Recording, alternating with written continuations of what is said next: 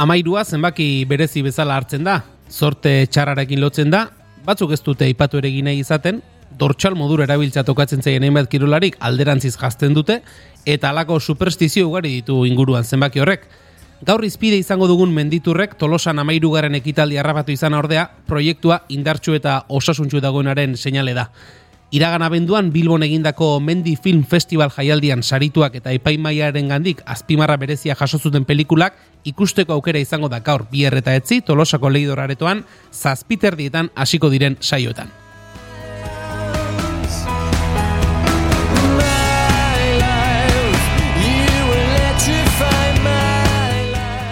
Film laburrak eta luzeak, Euskal Herriko zein atzerriko ekoizpenak, bakoitza historio batekin. Tolosako autaketaren ingurukoak hobeto ezagutze aldera, Mendi Film Festivaleko komunikazio arduraduna gonbidatu dugu, bigarren kafera, jada gurtu dugu, baina aitor helduai Mateo, txaldeon berriz ere. Bai, arratxaldeon, eskerazko, eh, gonbidatak Ondo? Bai, ondo, ondo. Aitor, amairu? E, bete betekoa gaina, eh? bai, eta aitaren batien pasadienak egia esaten lehen baizu, tile geixoakin, e, dela mairu urte, oain gutxixo, baino grina eta, eta espiritua ba, ba, parekoa, eta kasik orduan ere izan genuen hori ez, zalantza hori aberkauzak ba, nola funtzionatzen eta ja zera zeratik hemen tolosan leidorren berezeki jaso genuen haupa daurako gogoan hartuta, 2000 eta amaika, Eta arezkeroztik urtero urtero errepikatu dela ere aintzatartuta, ba, ba, bueno, aurten ere ilusio puntu politio horrekin. e, ekimenaren aurkezpenean aipatu zenuten, ez? E, badela nolabait ere menditurren itzordurik e, egonkortuenetako bat edo esan litekena eta gero e, atentzio dituzidana izan zen, nola aipatu zenuten Naparro aldetik etortzen dela jende asko tolosara? Bai, kasualidadea, esan dakoetatik nun baitu hori reskatatu da komunikabideetan, eta ba, ba Atentzio, niri bintzat, atentzio ditu zidan datu izan zen? E, beste erabate dara esateko da, non nahitik etortzen dela jendia tolosa. E, gila da, ba, tolosa bakigu ez, Naparra aldera begira, Eurola aldera begira, Goierri aldera begira, Donosti aldera begira, ba, ondo kokatuta daukaula, eta alde horretik, ba, bateko eta besteko jende asko etortzen da, e, eskualdekoa izan gabe ere.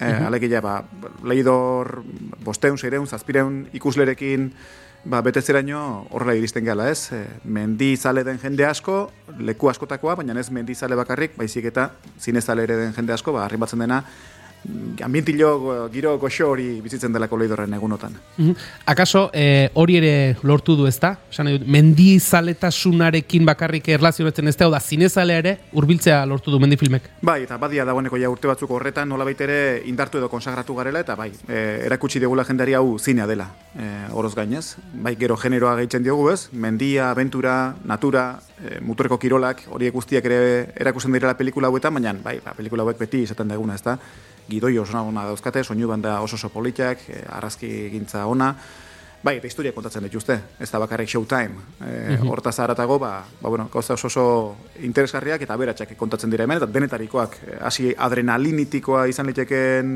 e, akzio eta pelikuletaraino, eta gauza barego eta usnarkorragoak izan litezke netaraino. Eta esan genezake moko finentzat, ez da? Hau da, e, jaialdian e, berez ba, eskaintza oparoa eta kalitatezko izaten da, eta orain esan genezake autaketaren autaketa eskaintzen duzuela. Berrogeita emeretzi pelikula izan ziren 2008 biko abenduan e, BBK Meri Film Bizkaian parte hartu zutenak, horren berri hemen bigarren kafean ere e, ba, mhm. eman genuen, eta gero, hori, handik selekzio egin, autaketa egin, eta ura izaten da menditurrean batera eta bestere biltzen duguna. Hor nabardure izaten da, pelikulen e, bueno, e, jabeekin, izan ekoizle izan zuzendariekin hitz egin edo negoziatu behar izaten dela, ba, pelikula hori guk batean eta bestean erakutsi ahal izatea, ez? Artara guk, bai, e, pintzilarekin txak, txak, txak, txak, bat edo beste ikutzen ditugu, haien gana jotzen dugu, eta eina handi batean, euneko lauro oso oso luze batean, baldenek baiet esaten digute, e, azken batean bere intzat nolabeteko banatzaile bihurtzen gara, mhm. hasi Euskal Herrian eta Euskal Herritik aratago Espainia osoan ere, Eta honen bestean borrela ibiltzen gea. Aurten hogeita bi pelikulako katalogo bat daukagu esku artean, eta, bueno, hietako bederatzi hemen tolosan gaur bihar eta etzi. Mm -hmm. Hori da, eta lehen, eh, epatu duzu, historioaren e, kontzeptu hori ez da, akaso mendiko film, pelikula gintza honetan emandak bilakaera bat izan da, irudi ikusgarriekin erreferentzia bezala, irudi ikusgarriekin lotu izan dugu garai batean ondera duela urte batzuk ez, mendiko pelikulak, baina kasik ere orain historioak eta horren lekuko da, mendi filmen webgunean sartu eta pelikulen sinopsiak irakurtzerakoan guztie kontatzen dute zerbait, guztietan dago historioren bat. Eta askotan, ba, barruak ukitzen dituzten historioa dira. Bai, bai, dudadik gabe. Eta bai, litekena da. E, aipatzen dezun hori nolabiteko evoluzio batean ere gertatu izan, ez? Kasik olatu bat ematen du, ez? E, bota atzera denboran eta Eta bueno, referentzia oso dukagu ez, hemen Euskal Herrian egintzen lehen mendi zinema jaialdia, irurogeita emeretzi eta laurogeita bos bitartean donostian egintzen, sekulako mm arrakastarekin. E, zinearetoak lepo betatzen ziren, baina, karo, aforo kontrolatuak ez deneko garaietan, e, ikusgarri izaten omentzen ura. Eta orduan ere aurkezten ziren pelikuletako askok, bereziki aktivitate izaten zuten ardatza. Gero, aktibitatea nola filmatzen zenez, horrek ere sekulako balio izaten zuen noski, baina bereziki ba, aktibitatea izaten zen ardatza ez, ba, ba, Himalaian alako eginda, edo handetako menditan alako eginda, eta hori nolabait pelikula batera edo ekarri eta ura erakutsi. Em, gero, olatu horretan, ba, behar bada etorri da baita ere e, azkartasun baten bila, ba, ba, bestelako kontakizun gako artean harinagoak erakutsi eta kontatzeko e, joera hori ez. Eta orain, eta nik orain hori ez dakit justu nun e, mugarri bezala markatu, baina guk amasei edizio badara matzagu e, mendi filmekin, eta, eta ezagutu dugu hori hasieratik beraz, esan genezake azken hogei urtetako kontu bat ere izaletekela, ja, berez ere voltatzen dela historiako kontatzera, aktivitatea kontatzera, baina ja, modu asko zen landuago zinematografiko batean, ez?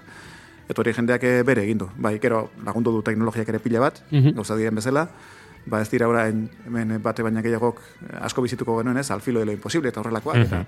Eta, pelikula dokumentalak egitera jotzen zuten, sekulako tresneriarekin, eta bai, ba, oso oso kontakizun dotoreak e, josiz e, gaur egun hori bera egiliteke, ba, bueno, deno dakigu ez, oso kamera harinekin, kasik e, gailu hauesek e, soinan ditugula, eta duintasun guztiarekin, bat ere sormena lagun baldin bada, ba, ba pelikula oso oso onak txukunak aurkezteko beraz, ben, bai, evoluzioak hor dabil, dantzan dabil, olatu bat bezala, baina onera, esperi gabe. Kaso, ipatu dituzun amarkada horietan ez, iruro gita amarreko amarkada horretan, aitor, e, ez da nola baite, testigantza ustea, e, kontakizuna, kontakizun mugatzea, e, pixkate redundantziatik, ez, mendian gaude, eta mendi erakusten dugu, e, redundantziatik, hau, sinematografian erabiltzen den kontzeptu bat, eta ez da txarra, baino, aukera bat izaten da, ez, zer gertatu gura erakutsi, edo beste modu batera jokatu, beste sofistikazio narratibo batzutan uh, aritu, hori da ziurrenik gehien aldatu dena, ez, gaur egun horrelako jaialdietan mendifilmen ez dela errestopatzen joan gara eta mendipuntan gaude kontatzen duen lan horietako bat. kronologiko hori, da. Iritsi gara oinarrezko kanpalekura, gero hau egin dugu, gero bestea, gero saiak ere etorri da, ez. Egia da, zertzela da batean bai, horrelakoak mm -hmm, lauren, bai. baina ez, ez, horrek irauli handi aukidu. E, irauli handi aukidu. Ala eta ere, hau guztia esan eta gero, orain, brum, alako atzeradako bat egingo dut, ze, aurten, e, bestak beste tolosako menditurrean ere sartu dugun pelikuletako bat, laurogeita amabikoa da. Bale, ados, ez da, irurogeita margarren amarkada zitzaitea, laurogeita amabila hor bitartean geratzen dena da, baina bai, ere zuzendaria, badela, norabait, irurogeita margarren amarkada, laurogei amarkada horiek zuzendari bezala ere bizitu zituen personaje handi bat, Michael Dillon. Mm -hmm. Zuzendaria australiarra da, bere pelikula Everest Situ Summit, laurogeita amabian mm -hmm. eta erakutsitakoa da, eseneko aldiz, artean, Espainia osoan oraindik erakutsi gabe zegoen, eta joan deneko abenduan, 2008ko abenduan, Bilbora etortzekoa zen Michael Dillon, nazioarteko zine, mendiko zine festivalen edo jaialdien e, sari nagusia, urteko sari nagusia jasotzera. Eta besapean ekarri zuen, Everest Situ Summit, ba, bertan ikusi alizateko aukera, ez? Arribitsi ikeragarri bada. Eta arribitsi bezala gainera zimarratu behar da, bat daukala horrelako kontakizun lineal bat.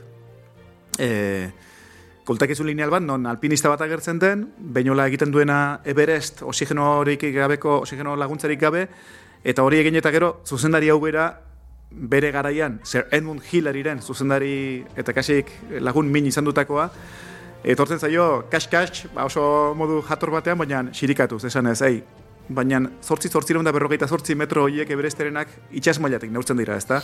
Eta zeu, kanpaleku nagusitik igozara, beraz ez duzu guztia igo. Hori izango balin baduzu, oinarritik hasi barra daukazu, oinarri itxas mailatik hasi barra daukazu. Australia ez da Euskalduna, e, zertin makarni ez nahi, baina entzun eta egin.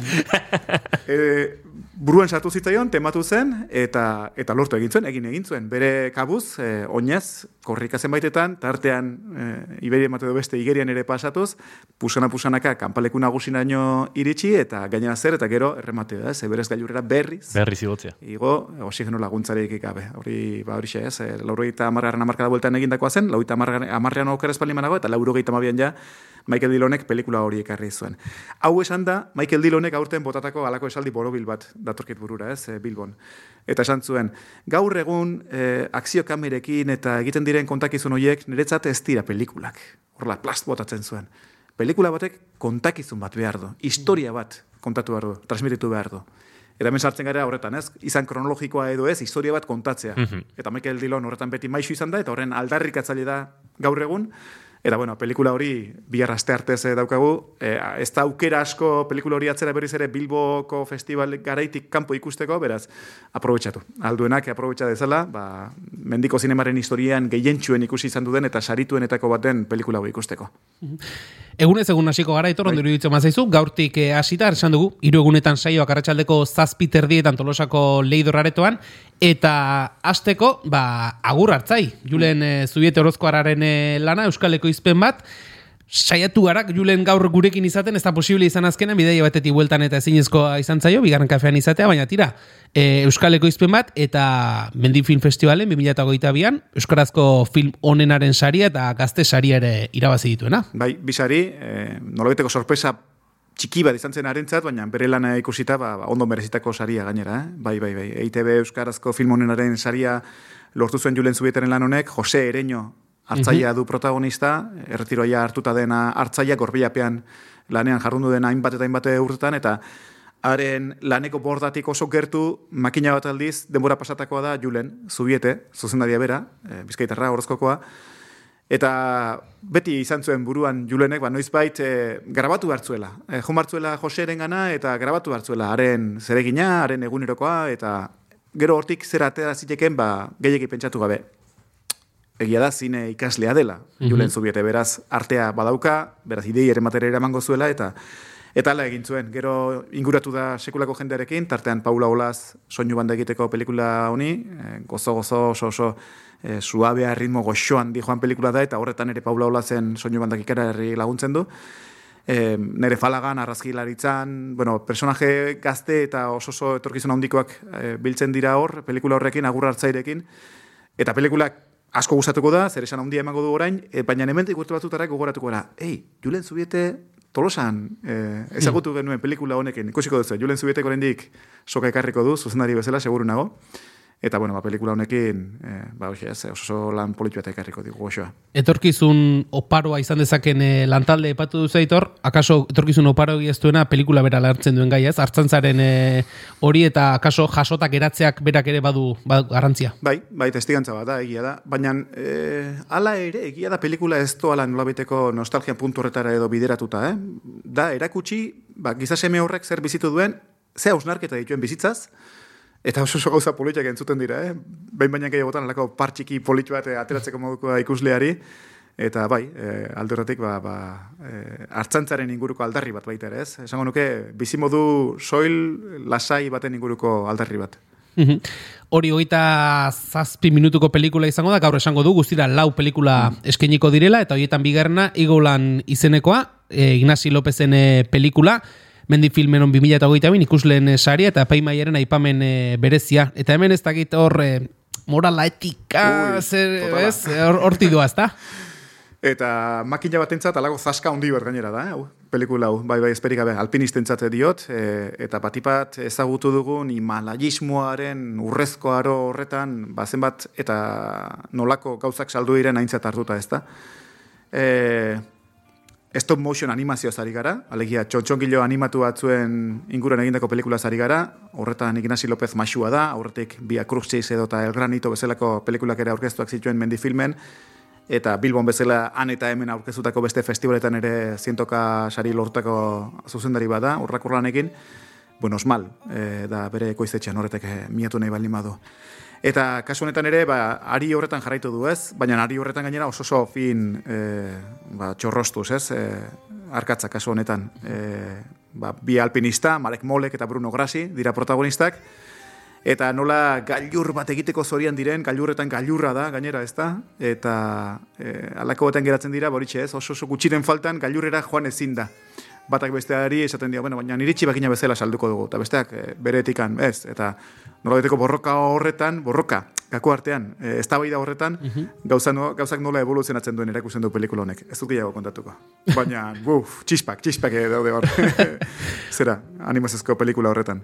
Hori beraz gaurko bigarren pelikula, eta hirugarrenak, e, amabi minutuko pelikula labur bada, A Buffin Vacation izenekoa, e, eta kasu honetan uste dute Kanada ingurura edo, joango garela, ez da, Itor? Bai, e, oso oso urruneko lurmutur bata, e, ba, urtean hilabete askotan izoztuta egoten den mendi eremu bakarti eta eta urrun bat, eta ara ezkonbidai bat egingo du bikote batek. Ezkonbidaia bat, ara egiteko nork, ba, bainola, e, bai bata zein bestea, bai mutila eta bai neska, bikotea ala delako, National Geographicek urteko abenturazale markatuenak edo puntakoenak izendatutakoak. Ba, biak alabiak ezautu ziren beinola bafin irletan zerkaldi bat egiten, eta orain, ba, ezkon bidai modura plantatu dute atzera berezera ara itzultzea, eta kaiak puxka bat, eskalada puxka bat, trabesia izotzetan, bueno, borlakoak egitea berrogeita bost egunez, erabate islatuta egonez. Ezkon bidai oso romantiko bat. eta ala saltzen dute. Eta egi esan, ala bizitzen dute, eta bereiek ere, bere humore puntu horretatik, freskotasun horretatik, ala, ala ematen dute. Sara McLaren Landry, Hori da. eta Eric Boomer. Boomer. Hau aipatu behar da, e, sail ofizialan izan dela mendifilme jaialdian, hau gaurko hirugarren proposamena, eta laugarrena e, Tofol Castanier, el corredor infinita Álvaro Iglesiasen lana, eta gauzo bat esango dizut, Aitor, izen autofol kastanierrena ikusi denen eta berrogeita meretzi minutuko filma dela ikusi dena pentsatu dut beharko, horta honek gehiago ere beharko du, egin duen guztia edo egin behar duen guztia kontatukoa du. Bai, Mallorcako ultra korrikalaria, e, bueno, parti bat ultretara ez, edo ditu dena, bat pixata dinean ere gora ekin ala, eta, eta bueno, hortan ikeragarri destakatu dena, ba, Mont Blanceko ultretaralian bertan ere podium egindakoa, eta jardunen ere oso indartsu da bilen e, e, mutila ez, e, korrika saio horietan. Eta bai, baren soslaia da, e, pelikula honetan dakarkiguna, e, ba, Tofol Castañer, mendila esterketak, ez dira mendila esterketak e, pantailera oraindik gehiegi eramanak, eta aldoretik ere azpimarragarria da hau, areago, gainera saria lortu zuen, Kirol eta Aventura filma honenaren saria lortu zuen Bilbon, Eta alde horretik, ba, segurunago, eta bereziki hemen tolosako menditurrean, ikusleen, soslaia, perfila ezagututa, ba, e, gustatuko dela, eta jendeak empatia handi hartuko duela, hau, ez hori bakarrik, e, bada tolosako amezketarrak guretzat ikerkarrera e, hortxe dukaguna gailurrean, haren tofolen oso oso laguna da, eta gaur e, ikerrek ere, bueno, ba, bitz egingo ditu pelikularen inguruan eta tofolaren inguruan, beraz gindatxoa iker karrera jarriko dio saioare. Mhm, Hori gaurkorako, martxoaren e, seirako, arratxaldeko zazpiter, zazpiter ditatik aurrera, lehidor aretoan izango den eskaintza, gaur motorrak berotu eta biharkorako ba, beste hiru proposamen bat aipatu dugu jada Everest Sea to Summit pelikula hori aipatu dugu eta biharkoan ba, beste bi proposamenak alde batetik Adrenalin Sax izango da film laburra amai minutukoa kasu honetan ere e, 2008ko Mendi Film Festivaleko sail ofizialean izan den pelikula. E, izen buru dakarki, eta lehen esan dudan adira hori, ez da, Showtime, hemen bai, hemen badator, hemen Super Frenchy dator, e, Macias Gigo, e, tipo australiar bat, e, ba, e, base jauztiak egiten, aldi bere maitere surfean aritzen edo eski estremo egiten ezaguna dena, e, bere buruari ezarria dion ez izena da, Super Frenchy, Eta bueno, erakusten du ez dagoela eroa, alegia hori nolabait ere justifikatu nahi du eta horregatik dator e, Chase Outgen zuzendariak, zuzendari estatu batu da, ba, ark egindako pelikula hause ez da, e, ba, Macia, e, Matias Gigoenen inguruko Ba, noi, e, hausnarketa polit bat. Zer beti esaten dugu, ez da pitzadura daukaten hauek, ba, bueno, justu hori xe esatera doa. Pitzadura, bueno, kontatuko izan nik hau nola bizi dudan. Eta hori da e, pelikulak edakarkiena, noski, irudi kuskarriekin eta butakari usteko moduko irudi egiteko egin. Mm, sinopsia irakurtzerakoan, e, atentzio ditu didana hori izan da ez, alde jartzen du, e, aventura kirolei buruz duen ikuspeiga esplikatuko du, eta gero argituko du, zergatik ez duen e, bere bura. Hainbatetan e, enfatizatzen da ez, Bai. azalpenak ematera gatoz, e, erotzat hartzen gaituzu, baina gu ez gaude erotuta. Hori da. E, pff, beste modu bat ere esango luke, eta haren azalean jarri beharko litzateke hori nolabait ja erabat e, ulertzeko eta asimilatzeko ez, baina e, berak esango luke zein dago eroago. Zu butakan geratzen zaren hori egun guztian hor egingo nuke baina ez dut egingo, edo ni horla joan eta bizi eta bixi, bizi nahi zen hause, ez? Bueno, ba, hortxe.